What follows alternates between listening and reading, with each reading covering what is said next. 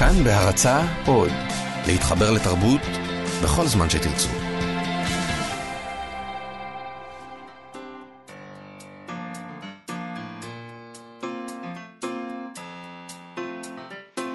מה שכרוך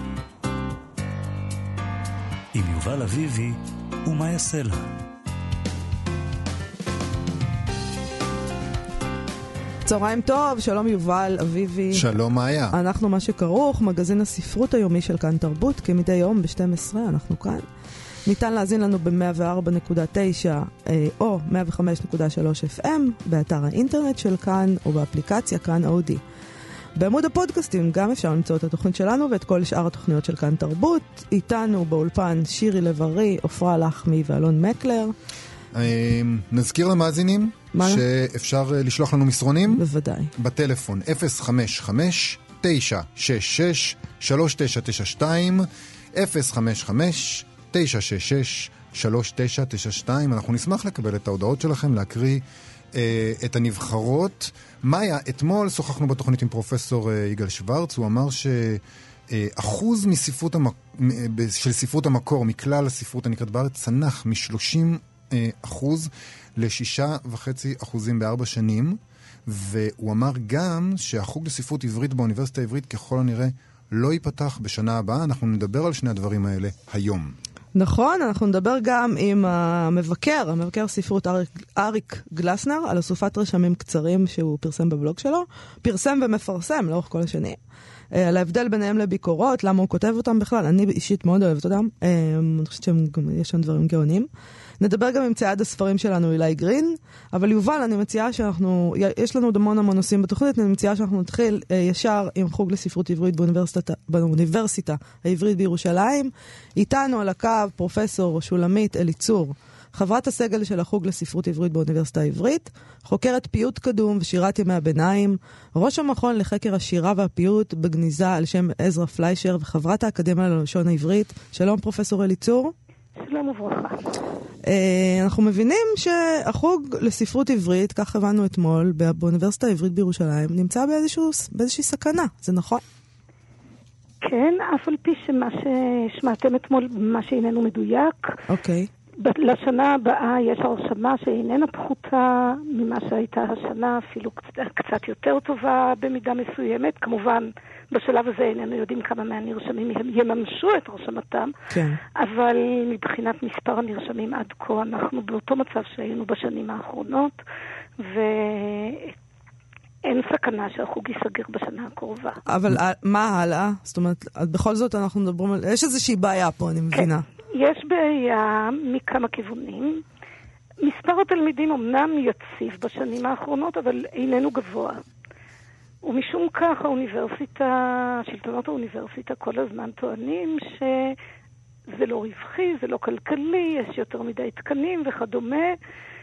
ולפני שנה, תוך כדי דיון מאוד מאוד פורה, ששיתפנו איתו פעולה וישבנו וחשבנו מה לעשות, פתאום הדיקן קם בסוף איזו ישיבה ובלי התראה מוקדמת, הודיע לנו, טוב, לסיכום, אתם בפיילוט. במשך שלוש שנים, מה פירושו של פיילוט? פיילוט כן. זה דבר שאני מצופה שישקיעו בנו, שיעזרו לנו. במקום זה נאמר לנו, במשך שלוש השנים הקרובות לא תקבלו שום תקן, אה, ואחר כך, אם לא יעלה מספר התלמידים, כמובן בלי שתקבלו שום דבר, אה, אז- לא תהיה לכם יותר זכות קיום. אוקיי. כלומר, אנחנו נחנוק אתכם, ואז אתם תחנקו, ואז אנחנו נסגור אתכם. בערך. ואז-. ואז מה מתכוונים לעשות בעצם? מה שהדיקן התכוון הוא לאחד אותנו עם החוג לספרות כללית, דבר שלא מקובל לא על אנשי החוג לספרות כללית ולא עלינו, וזה מתוך אי-הבנה מוחלטת של מהותו של החוג לספרות עברית, ואי-ההבנה הזאת עלתה פעם נוספת כשלקראת סוף השנה שעברה בישיבת פקולטה, תוך כדי איזה ארגון אדמיניסטרטיבי טכני, פתאום הדיקן הכריז שאנחנו כבר איננו שייכים יותר למכון למדעי היהדות, אנחנו שייכים לאיזה מכון לספרויות. מה המשמעות של זה מבחינתכם? המשמעות של זה מבחינתנו זה שידחקו אותנו לכיוון מסוים מאוד של מחקר, ששונה באופן מהותי מכל תחומי החוזק של החוג. החוג קיים כ-90 שנה, ותורם תרומה אדירה דווקא בתחומים שאינם המילה האחרונה היום בתורות הספרות, אלא באיזה דבר יסודי ובסיסי. Mm-hmm. אה, כמו למשל המדור לאגדה אה, וספרות עממית, שביסס את כל חקר הספרות העממית בארץ, ושהביא את העיון במדרשי האגדה כעיון ספרותי, דבר שלא היה לפני כן, אבל הדברים האלה מבוססים גם על עבודה פילולוגית היסטורית בצד העבודה הספרותית. כן. אנחנו עובדים בחוג בכלים משולבים, גם המחקר שלי בפיוט.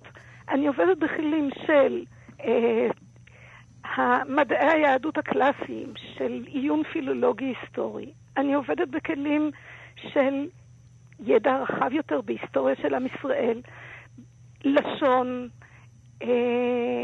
עובדים גם בהיבטים מחשבתיים שקשורים למחשבת ישראל, בחקר ההלכה והמנהגים, וכל הדברים האלה במשולב. כל הכלים האלה במשולב מוכנים על הטקסט הספרותי. אוקיי. Okay. ואנחנו אה, עוסקים בדברים הרבה הרבה יותר רחבים מאשר המכון לספריות. בדיוק בשביל זה קיים המכון למדעי היהדות. את... שיתוף הפעולה המחקרי שלנו עם אנשי המכון למדעי היהדות מכל החוגים הוא עצום. את יכולה לדבר שם... איתנו טיפה במספרים? אמרת מספר התלמידים והתקנים ירד. כמה תלמידים נרשמים מדי שנה, מצטרפים כתלמידי תואר ראשון לחוג הזה? באופן רשמי, בשנים האחרונות אנחנו עומדים על בסך הכל מספר קטן יחסית של כ-12 תלמידים שמצטרפים לשנה. ומה מצפים מכם? לכמה לעלות? מצפים שנעלה ל-20 פלוס, לפחות. אבל... בכל מקרה, את יודעת, זה מספרים ממש מדהימים. זאת אומרת, 12 תלמידים, זה ממש... אה, נכון. חוג פרטי כזה. הצניחה למספר הזה, הצניחה למספר הזה, וזה פשוט אפשר לספור ולראות, הייתה בד בבד עם צמצום מלאכותי דרסטי של המדור המאוד מאוד מבוקש להגדה ולספרות עממית. זה מדור שבמשך שנים היו בו ארבעה תקנים. אחד האנשים פרש, נשארו שלושה תקנים, המדור עדיין משך תלמידים והרבה תלמידים, והרבה דוקטורטים, והרבה okay. עבודות מאסטר. לפני כמה שנים פרשו שני מורים מרכזיים במדור, נשאר מורה אחד בלבד. שאיננו מצליח לענות על הביקוש. יש אצלו המון מסטרנטים, אבל הוא פשוט קשה לו להדריך מרוב אנשים, ואנשים רואים שיש רק אדם אחד, ואין להם בשביל מה לבוא, ובדיוק בעת הזאת חלה הירידה הגדולה. כלומר, אין, אין, אין אצל מי ללמוד, אז לא באים, כי אין, אין מורים בעצם, מה שאת אה, מספרת לי. זה לא מדויק שאין מורים, כי במדורים אחרים יש מורים, אבל, או נגיד ליתר דיוק, עדיין יש מורים. כן, אני אומרת, אין מספיק. כי רוב מורי החוג, ממש רוב מורי החוג עומדים לפרוש תוך... אה, אה, כחמש שנים. ויש מי שיחליף אותם? יש דוקטורנטים צעירים? יש דוקטורים מי שיחליף. אם נגיד נביא את התחום שלי לדוגמה, תחום הפיוט והשירה בימי הביניים, יש לי תלמידים שיכולים להעמיד את האוניברסיטה העברית במקום הראשון בעולם, כמו שהיא הייתה עד היום, לעוד דור לפחות. ויש תלמידים שמתעניינים מהשטח, תלמיד שנה א' מופלא שהגיע אלינו והגיע כבר לרמה של תלמיד MA תוך שנה אחת אה, מבחינת הידע, ועוד, אנשים טובים יש. Okay. אנשים אוקיי. טובים יש. יותר מזה, דווקא בגלל שהצטמצמנו, מי שבא היום מכל מיני סיבות אה, שלא תלויות בנו, שאי פעם ספרות עברית הייתה איזה ברירת מחדל, היום ספרות עברית זה אה, באמת לא משהו שמבטיח פרנסה, ולכן באים המשוגעים לדבר. בהחלט. רמת התלמידים פשוט הרבה יותר טובה מפעם. טוב, פרופסור שולמית אליצור, אני מאוד מאוד מודה לך שדיברת איתנו. אנחנו נמשיך לעקוב אחריכם. אה, נהיה משמר אה, החוג לספרות אה, עברית באוניברסיטה העברית, ונמשיך לעקוב אחרי מה שקורה שם. תודה רבה לך. תודה לך. תודה רבה לכם. יובל, אני רוצה, תודה. אני רוצה להקריא אתמול. זאת אומרת, זו תגובה על דברים שיגאל שוורץ, פרופסור יגאל שוורץ אמר לנו אתמול. כן. סיפר לנו את הדבר הזה. ואנחנו פנינו, ואתמול דוברת האוניברסיטה אמרה שלאחר בדיקה עם דיקן הפקולטה למדעי הרוח, אין שום שחר לידיעה הזאת. זאת חוצפה של מרצה מבן גוריון להגיד דבר כזה. אז להגיד uh, שאין שחר לדברים, כן, זה כנראה... כנראה זה לא בדיוק שאין שחר לדברים. זה מקרה, מקרה קלאסי שבו, נכון, זה לא... כנראה שבשנה הבאה זה ייפתח, אבל מאחורי זה עומדת מציאות לא פשוטה ו... ו... נוראית. ו... ש- ואנחנו באמת נמשיך לעקוב. נמשיך לעקוב אחרי זה, כן. אה, יובל, כן. עוד דבר שאתמול אמר לנו אה, פרופסור יגאל שוורץ, שהוא פשוט אה, עשה לנו ממש ברדק אתמול. ממש אז אנחנו נעסוק בו עכשיו אנחנו היום. מנסים לסדר את הברדק. ננסה לסדר את הבלגן שיגאל שוורץ השאיר לנו, אוקיי. אז הוא דיבר על זה שרק שישה וחצי אחוזים מהספרים אה, בעברית, זאת אומרת, זה ספרות? מקור, הם ספרות מקור. כן. הבנת? אמרתי כן. את זה. שישה. אחוזים וחצי מהספרים שנמכרים בישראל הם ספרות מקור, וזה מספר זעום. זה מספר זעום מאוד. זעום? אני חושבת, לא יודעת, כאילו, אנשים, מה- שזה אומר זה קודם כל שאנשים מעדיפים לקרוא תרגום, אבל בצורה קיצונית, זה לא קיצונית. קצת. אוקיי, אז אני הלכתי, אה, בגלל שאני אדם מאוד מאוד רציני, הלכתי למנכ"ל צומת ספרים, אבי שומר, כן. לשאול אותו האם היה כצעקתה. והוא מה אמר לי? אה, הבוקר כזה דבר. הוא אמר לי קודם כל אה, את הנתון המדהים הזה, ש-30% מהמכירות בכלל, זה של fiction, מה שנקרא, של סיפורת. זאת אומרת, כן. כל השאר יש כל מיני בישול וזה. עיון, ילדים. ילדים, עיון, זה, רק 30% בכלל זה סיפורת. כן. עד כמה אנחנו חושבים שזה מעניין אנשים, ובעצם זה לא כזה מעניין אותם? לא, אנחנו מעניינים, אל תגידי. לא אנחנו, אני בכלל לא סופרת, מה אכפת לי? אבל, אבל מתוך ה-30 אחוזים האלה, של, כן. של, אה, של אנשים שקונים fiction, 10 אחוזים קונים מקור, ו-20 אחוזים תרגום. זאת אומרת, זה לא זה לא מאוד הנתון רחוק. הקיצוני של השישה אחוזים מצד אחד, מצד שני, אוקיי, ברור ששליש מה, מהאנשים שקוראים אה, סיפורת קוראים מקור, ושני שליש תרגום, מעדיפים ספרות מתורגמת. אה, מה יש לומר? תשמעי, יש אתמול- לומר, אתמול בפייסבוק. כן, אתמול היו, אה, אה, אתמול הייתה תגובה אה, לדבר הזה. אה, ירין כץ, בלוגר אה, שמפעיל את הבלוג, קורא בספרים. אה, לא הזכרנו עדיין את הבלוג הזה בתוכנית שלנו. דווקא הזכרנו. הזכרנו? כן, כן. אבל לא... לא נספר כן. למאזינים שלא זוכרים, זה מגזין ספרות אינטרנטי משובח, מפרסם אה, ביקורות ספרות, לינקים ספרותיים מעניינים מהארץ ומהעולם, חדשות ספרותיות, חדשים על, המסע, על המדף. עושה עבודה מאוד מאוד טובה. שאלונים אנשי ספרות, הוא, נכון. הוא ממלא גם איזה ואקום שקיים בהחלט. למרבה הצער.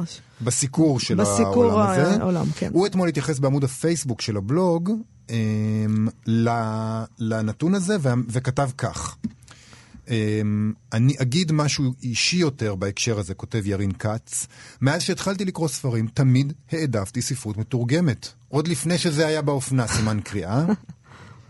וזה כלל לא קשור לאיכות הספרות העברית. יש משהו בכתיבה על ירושלים, על תל אביב, על חיפה, על עיירות הפיתוח, על הצבא, על הפוליטיקה המקומית, שתמיד מדכא אותי ולא מושך אותי. מאותה סיבה למדתי באוניברסיטה היסטוריה כללית, שהיא בעצם היסטוריה מערבית, ולא הלכתי ללמוד היסטוריה יהודית או היסטוריה של עם ישראל. אפילו מבחינה דתית, הוא כותב, תמיד הנצרות והאסלאם עניינו אותי יותר, כי אותם אני לא מכיר.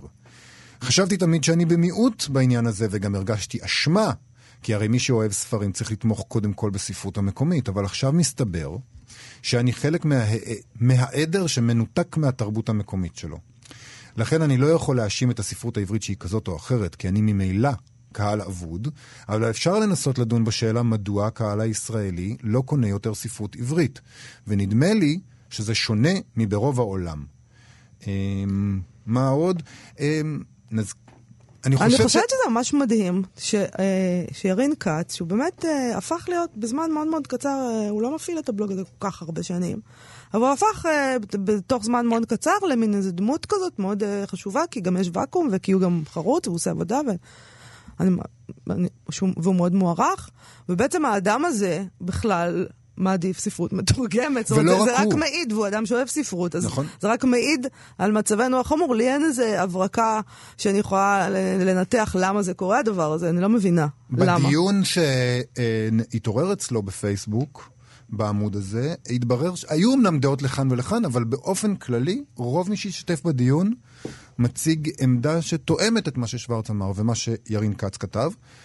מעדיפים ספרות מתורגמת, זאת אומרת, הוא לא היחיד. אני מניח שעוד אה, נעסוק בנושא הזה. כן, אני, אני צריכה לחשוב למה זה ומה זה. בוא נעשה, יגאל שוורץ אתמול אמר שהמצב דורש אספת חירום. נעשה אספת חירום. אני חושבת שאנחנו צריכים לעשות אספת חירום פה בתוכנית. אפשר לעשות. עם יגאל שוורץ ועוד אנשים. זה בכוחנו. אוקיי.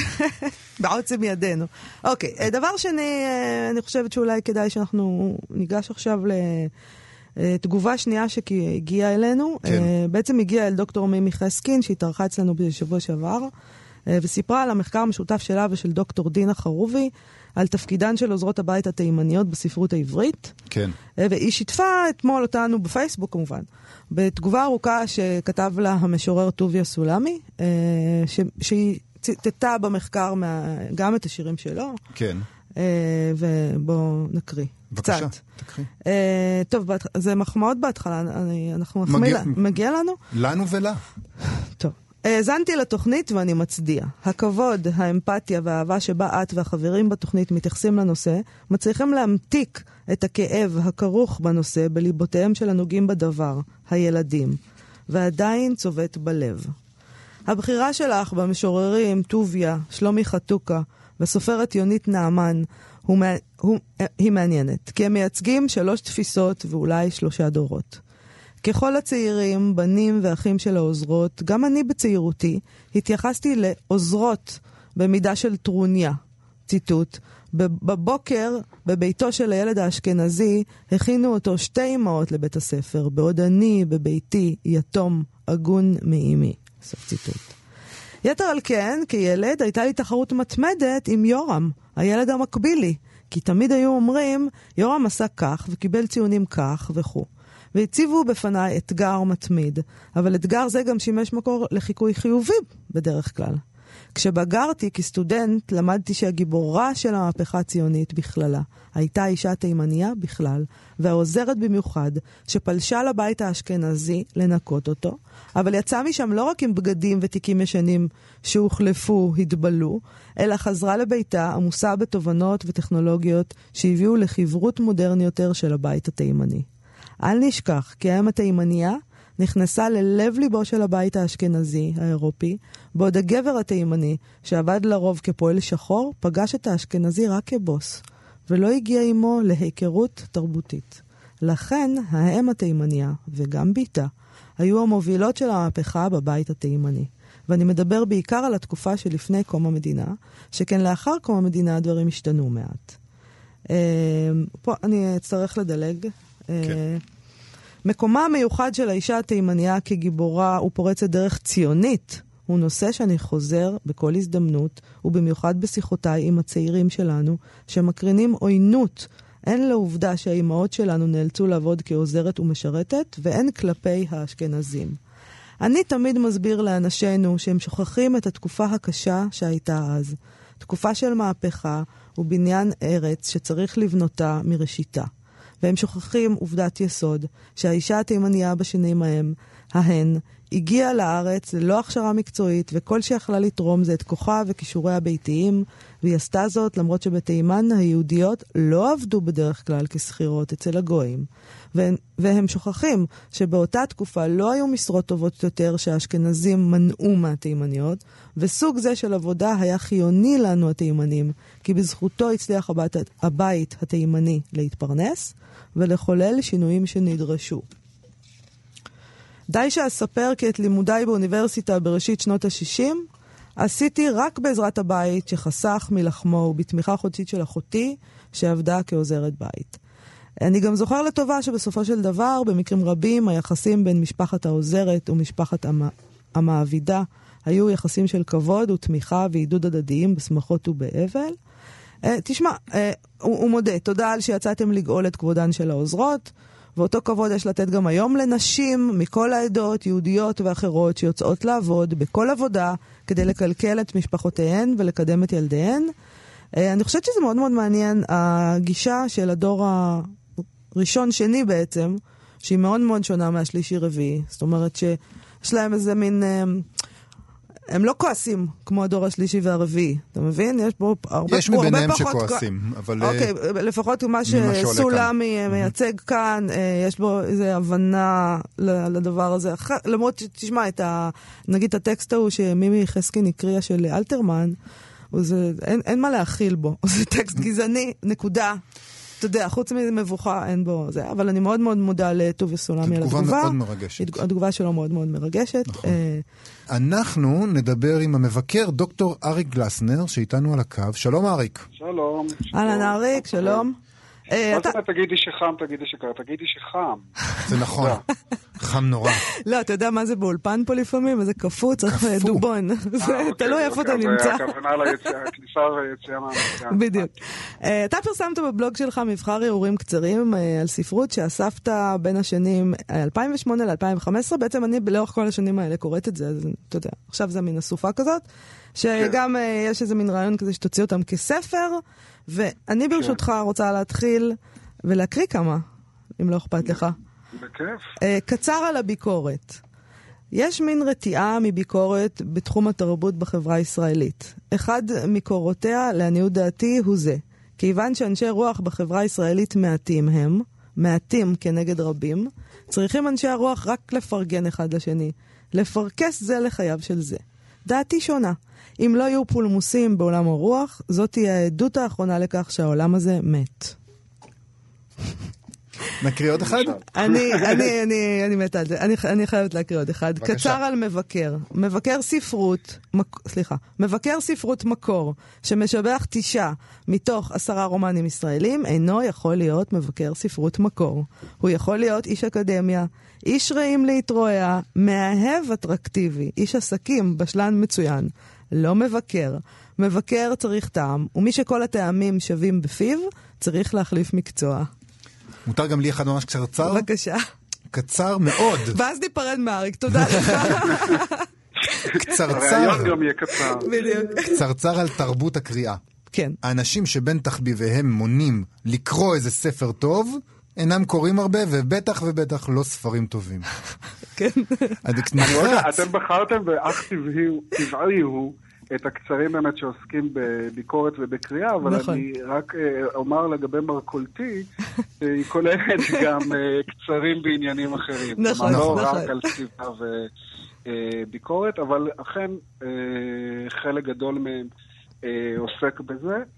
פשוט ברגע שהתחלתי בצירוף מקרים, אה, כש- כשפתחתי את הבלוג שלי ב-2008 או בשלהי 2007, אה, ראו תרגום אה, חדש ונהדר של אנושי אנושי מדי של ניטשה, ו- ומשהו בהשראה כמובן, אלף אלפי הבדלות באיכות וברמה, אבל משהו ב... בהשראה של היכולת, וזה ספר של ניטשה שבתקופה המרכזית שלו, לפני שהוא נכנס למקומות יותר קודרים, אה, יש שם משהו נורא משוחרר וכיפי אצלו, ביכולת, ב- ב- הנאה מעצם היכולת לנסח באופן קצר דברים על עולם ומלואו. כלומר, הנאה מעצם פעולת המחשבה ומעצם פעולת הניסוח של המחשבה, ולא באופן שיטתי, כלומר, לא כהגות שיטתית. ובאופן חשוד, אני רואה, לא, לא, בזמן אמת לא שמתי לב לזה, אבל באופן חשוד ראיתי שהתחלתי לכתוב קצרים, פחות או יותר אחרי שפתחתי את הבלוג וקראתי את הספר אה, ואת אנושי אנושי מדי. אה, שוב, אדגיש את פערי הרמה הבלתי עבירים. אבל הרמה שלך אה, מאוד נחמדת, וזה זה די תענוג לקרוא את הדבר הזה, ולמה לעזאזל זה לא יוצא בספר, אריק?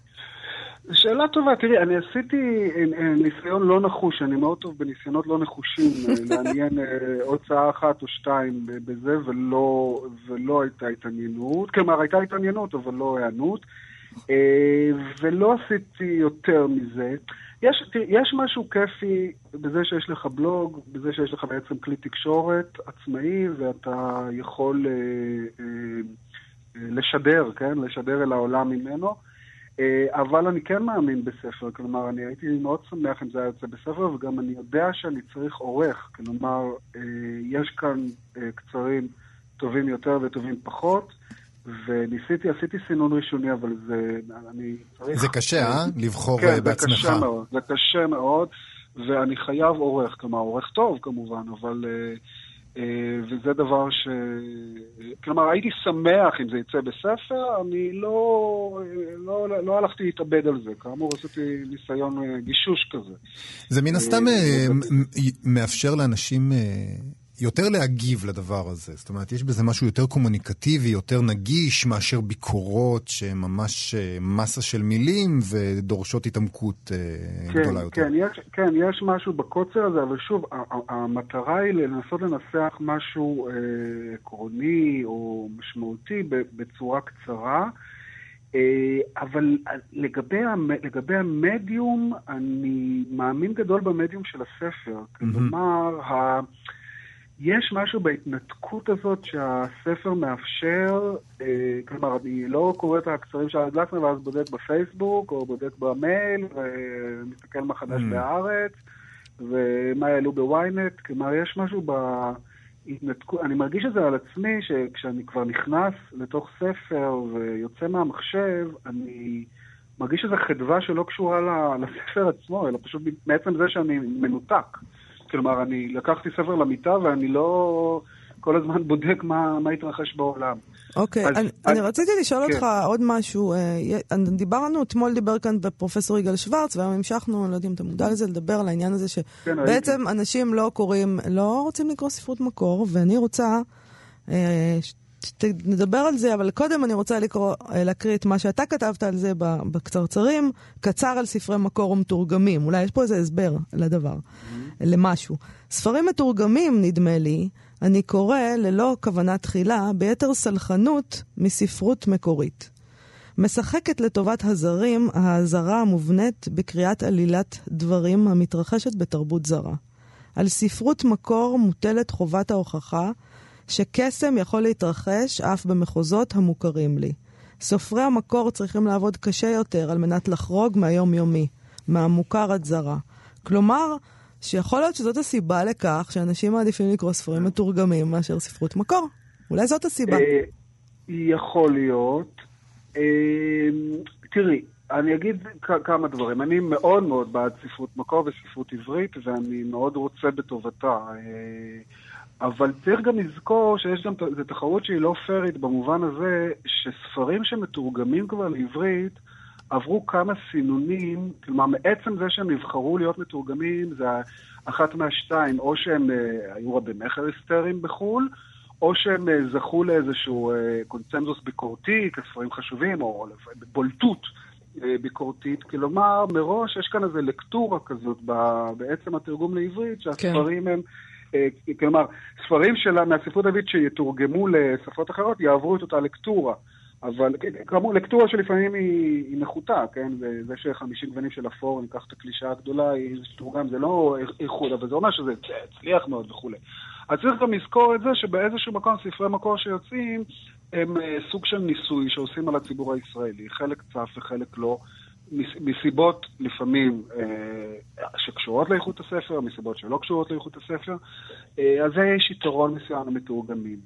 גם בגלל שתרבות הקריאה העולמית אה, מצטמצמת, ואני חושב, אבל רוצה להתייצב, נהיה פתאום המשותף בין שוחרי הקריאה בכל העולם, מה שהם מחפשים בספר, נהיה פתאום אה, דומה, ערכים דומים, כי זו תרבות שהצטמצמה. אה, פחות את העיסוק במשברים הלוקאליים, אלא איזו חוויה אוניברסלית שהספר מעניק, למשל, צלילה לעולם פנימי, שהספרות בניג- ב- ביתרון מהאומנויות האחרות לצלול לעולם פנימי אה, באופן כללי, כלומר לא בהקשר הישראלי או האמריקאי או וכולי. כן. אה, אז אנשים מוצאים את זה, את מה שהם מחפשים בספרות היום, אה, גם בספרות מתורגמת, ועם זאת, אני מצר על כך, ואני מקווה שזה ישתנה, כלומר, שהספרות העברית אה, תחזור למקום יותר. מרכזי מאשר נמצאת. אמן. כולנו מקווים לכך. אה, אה, דוקטור אה, ארי גלסנר, תודה רבה לך על השיחה תודה, הזאת. תודה לכם. ומחכים לספר, אריק. לשלל הספרים. השם. תודה רבה. להתראות. להתראות, ביי. טוב, נעבור אה, לפינתנו האהובה, אה, סטטוס ספרותי, אה, שבה אנו מלקטים רשומה מהפייסבוק שעוסקת בענייני ספרות, או שנכתבו על ידי סופרים או משוררים. נכון, אז אני חשבתי להקריא סטטוס uh, קצר שכתבה לפני יומיים, יום-יומיים, המשוררת שירה סתיו, כן. שכתבה כך: פייסבוק אולי משנה את כל הכללים, מה כן ולא חושפים, אומרים, עושים, מרשים לעצמם. אבל דבר אחד נשאר ללא שינוי ולא יעזור בית דין. מי שרודף אחרי הכבוד, הכבוד בורח ממנו. שלום למתבזים. על מה היא כותבת דבר כזה? אין לי מושג, יובל. אבל זה מה מי? ש- אולי על מי זה יותר זה. אבל זה מה שיפה בסטטוסים האלה, כאלה רשומות, סליחה. כל אחד יכול לחשוב שזה בדיוק על משהו שנדמה לו, ואגב, כל אחד גם חושב את זה על אחרים, אבל אף פעם לא על עצמו, שזה מה שיפה במין האנושי, באיזשהו אופן, אה, כלומר, יפה וגם מכוער במין האנושי.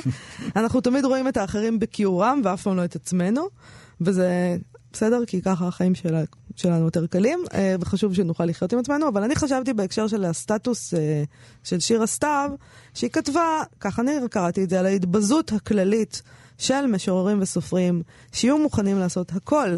בשביל שיפרסמו שיר שלהם באיזה מוסף ספרותי, הכל, ימכרו כל עיקרון, כל שקר, את אבא שלהם ימכרו גם בשביל זה, אה, ספרו לעצמם כל סיפור, ובשביל מה יובל? מה זאת אומרת? בשביל כבוד, הכרה, אה, להשמיע קול במרחב, להשאיר שריטה לדורות הבאים. כן, אבל אחרי שהתבזית, מה, מה, מה העניין, מה נשאר מהשם שלך ומהסריטה שלך? מה זה זה קצת משנה? מזכיר לי את השיחה שלנו אתמול, על הרצון אה, להיות אה, אנושי בהקשר של הספר הצמחונית, להיפטר מהגוף, להיות רק רוח. את דיברת אז בעד הגשמיות, ועכשיו את סותרת את עצמך. מה, יוצרים אה, צריכים להיפטר ממאוויי הגוף אה, בניגוד לשאר האנושות? להי- להיפטר מהאנושיות, מהליבידו שאתמול היה כל כך חשוב לך? את צריכה להחליט, מאיה. ואני דווקא אוהב את זה.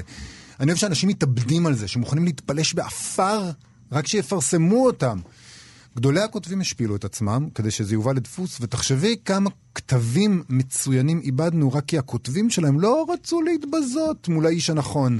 אני בעד ההתבזות. קדימה אל הבוץ הספרותי. תשמע, אני חושבת שפאסון זה דבר מאוד מאוד חשוב, יובל. כן? ליבידו זה גם פאסון, אבל בוא נעזוב את הפאסון, איזה עיקרון או חצי עיקרון, קצת אופי טיפה, משהו, להיות קצת מענטש פה ושם, אחרת מה זה שווה כל העסק הזה?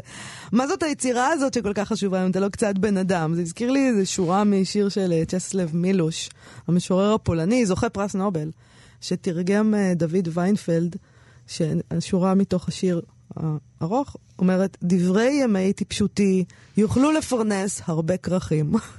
זה תמיד נכון. נכון. ואילי גרין, צייד הספרים שלנו, מבעלי חנות הספרים המשומשים, האחים גרין, שקופץ. ראש לתוך ארכיונים ויוצא משם עם סיפורים מדהימים. שלום לך, אילי גרין. שלום אילי. שלום שלום, מה נשמע? בסדר, מה איתך? הכל בסדר. מה יש לך. היום בשבילנו? מה צדת? היום אני דווקא מביא לכם סיפור אה, שקרה לי, אה. התחיל לפני שלוש שנים בערך. אה, הוזמנתי לראות דירה על ידי המשפחה, דירה של מישהי אסתר שנפטרה.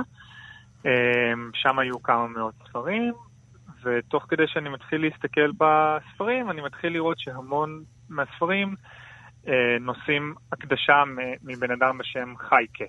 אוקיי. אמ, אולי רומן, אולי חברות ממש טובה, רואים המון הקדשות עם אהבה. אה, לא- לאחר מכן גם ראיתי שיש מכתבים שהוא כתב לה, ובאמת כמות ממש ממש גדולה של ספרי שירה מוקדשים אמ, מהבן אדם הזה. אוקיי. עכשיו, ספרים קניתי ט- משם- ספרים טובים? ספרים אה, די סטנדרטיים, קניתי משם לפי דעתי משהו כמו 50 או 100 ספרים, אמ, לא, לא משהו שיוצא דופן. אוקיי. משהו שכאילו אני רואה בערך חמש ספריות כאלה בשבוע, זה לא, לא היה שם שום דבר אה, רציני, מלבד ההקדשות, חלקם היו מאוד מרגשות. אוקיי. עד כאן סיפור רגיל, אה, שקורה לי באמת כמה פעמים בשבוע, אה, אבל לאחר מכן, כמשהו כמו שנתיים אחרי זה, הוזמנתי לדירה ליד תחנה מרכזית. היה שם דייר שרצה למכור את כל הספרים של הבן אדם הקודם שגר בדירה. אה, דייר, לא המשפחה של ה... לא, לא משפחה, דייר, אה, הוא אמר לי שהוא קיבל את הדירה כמו שהיא, והוא רוצה להעיף משם את כל, ה... את כל הציוד ואת כל את כל הספרים. הג'אנק. בשבילו זה לגמרי היה ג'אנק. כן. אמ, ואז אני מגיע לשם, הכל היה שם מאובק לגמרי, קורי עכביש, ג'וקים, באמת, חוויה הייתה שם לא נעימה. ותוך כדי שאני מפשפש בספר, בספרים ומוציא ספרים מהבוידם, אני מתחיל לראות שיש שם על הספרים הקדשות אמ, ממישהי בשם אסתר. ועוד לא התחיל ליפול לי האסימון שם, ואז אני רואה שיש על כל ספר כמעט אקס ליבריס, כזה תווית ספר, כן. של שרשום שם מספריתו של חייקה. או, ואז אני, אני פשוט מתחיל להבין שאני הצלחתי להשיג את הספרייה התאומה של הספרייה שהייתי בה לפני שנתיים. מדהים. לגמרי. ואני רואה באמת הקדשה ועוד הקדשה, והכל מוקדש שם מאסתר, ופשוט, אני באותו רגע הייתי בהלם. אמרתי, מה הסיכוי שדבר כזה יכול לקרות לי? אמ, לצערי לא היה לי את מי לשאול. מי כי, זה ה- מה, הוא היה, הזה. לא הייתה שם משפחה שלו? הוא היה ערירי כנראה? הוא היה כנראה ערירי וגר כנראה בדמי מפתח. תחשבו על השנתיים שעברו עליו בלעדיה. אחרי שאסתר מתה. נכון. זה נורא, אם הוא יש... בכלל ידע עם אסתר מתה. אה, נכון, פתאום. פתאום הוא הפסיק לקבל מכתבים והוא לא יודע. כלום, כנראה שכלום. זה היה, הייתי בהלם. אני ממש חשבתי לפנות ל- לבת של אסתר שהזמינו אותי לפני שנתיים, אבל הרגשתי שאולי יש דברים שצריך להניח להם. כן, כן. לך תדע איזה מערכת אולי היא יחסים לא הייתה להם. כן. כן, נכון, אולי כדאי להשאיר את זה כמו שזה. נכון. וואו, אבל זה סיפור מדהים, מה הסיכוי שדבר כזה יקרה? זה מאוד מרגש, זה בטח אתה עומד שם ויש לך, בעצם כשנופל האסימון, בטח צמרמורת רצינית, זה ממש מגניב.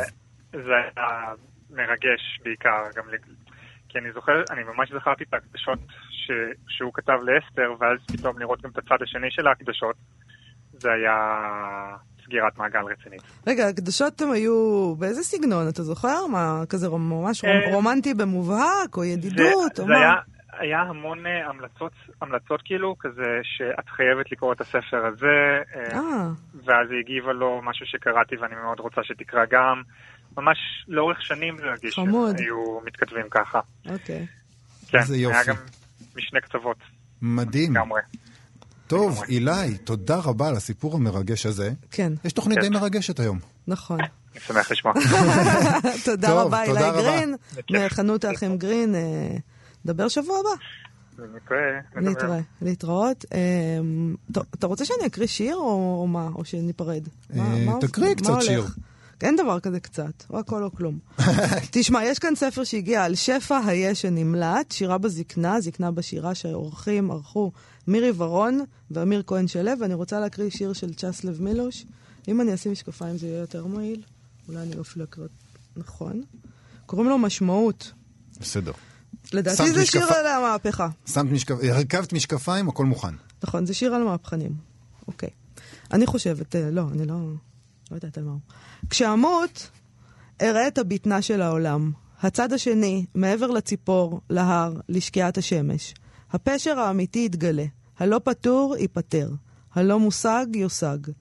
ואם אין לעולם בטנה, אם ככלי על ענף איננו סימן, כי אם ככלי על ענף, אם יום ולילה באים זה אחר זה בלא פשר, ואין דבר על פני האדמה חוץ מהאדמה הזאת, אפילו כך, עדיין תישאר המילה שבקעה פעם מפי בן חלוף, והיא רצה ורצה, ציר בלתי נלאה, שלוח אל מערכת הכוכבים, מסלול שביל החלב, והוא מוחה, קורא בקול, צועק.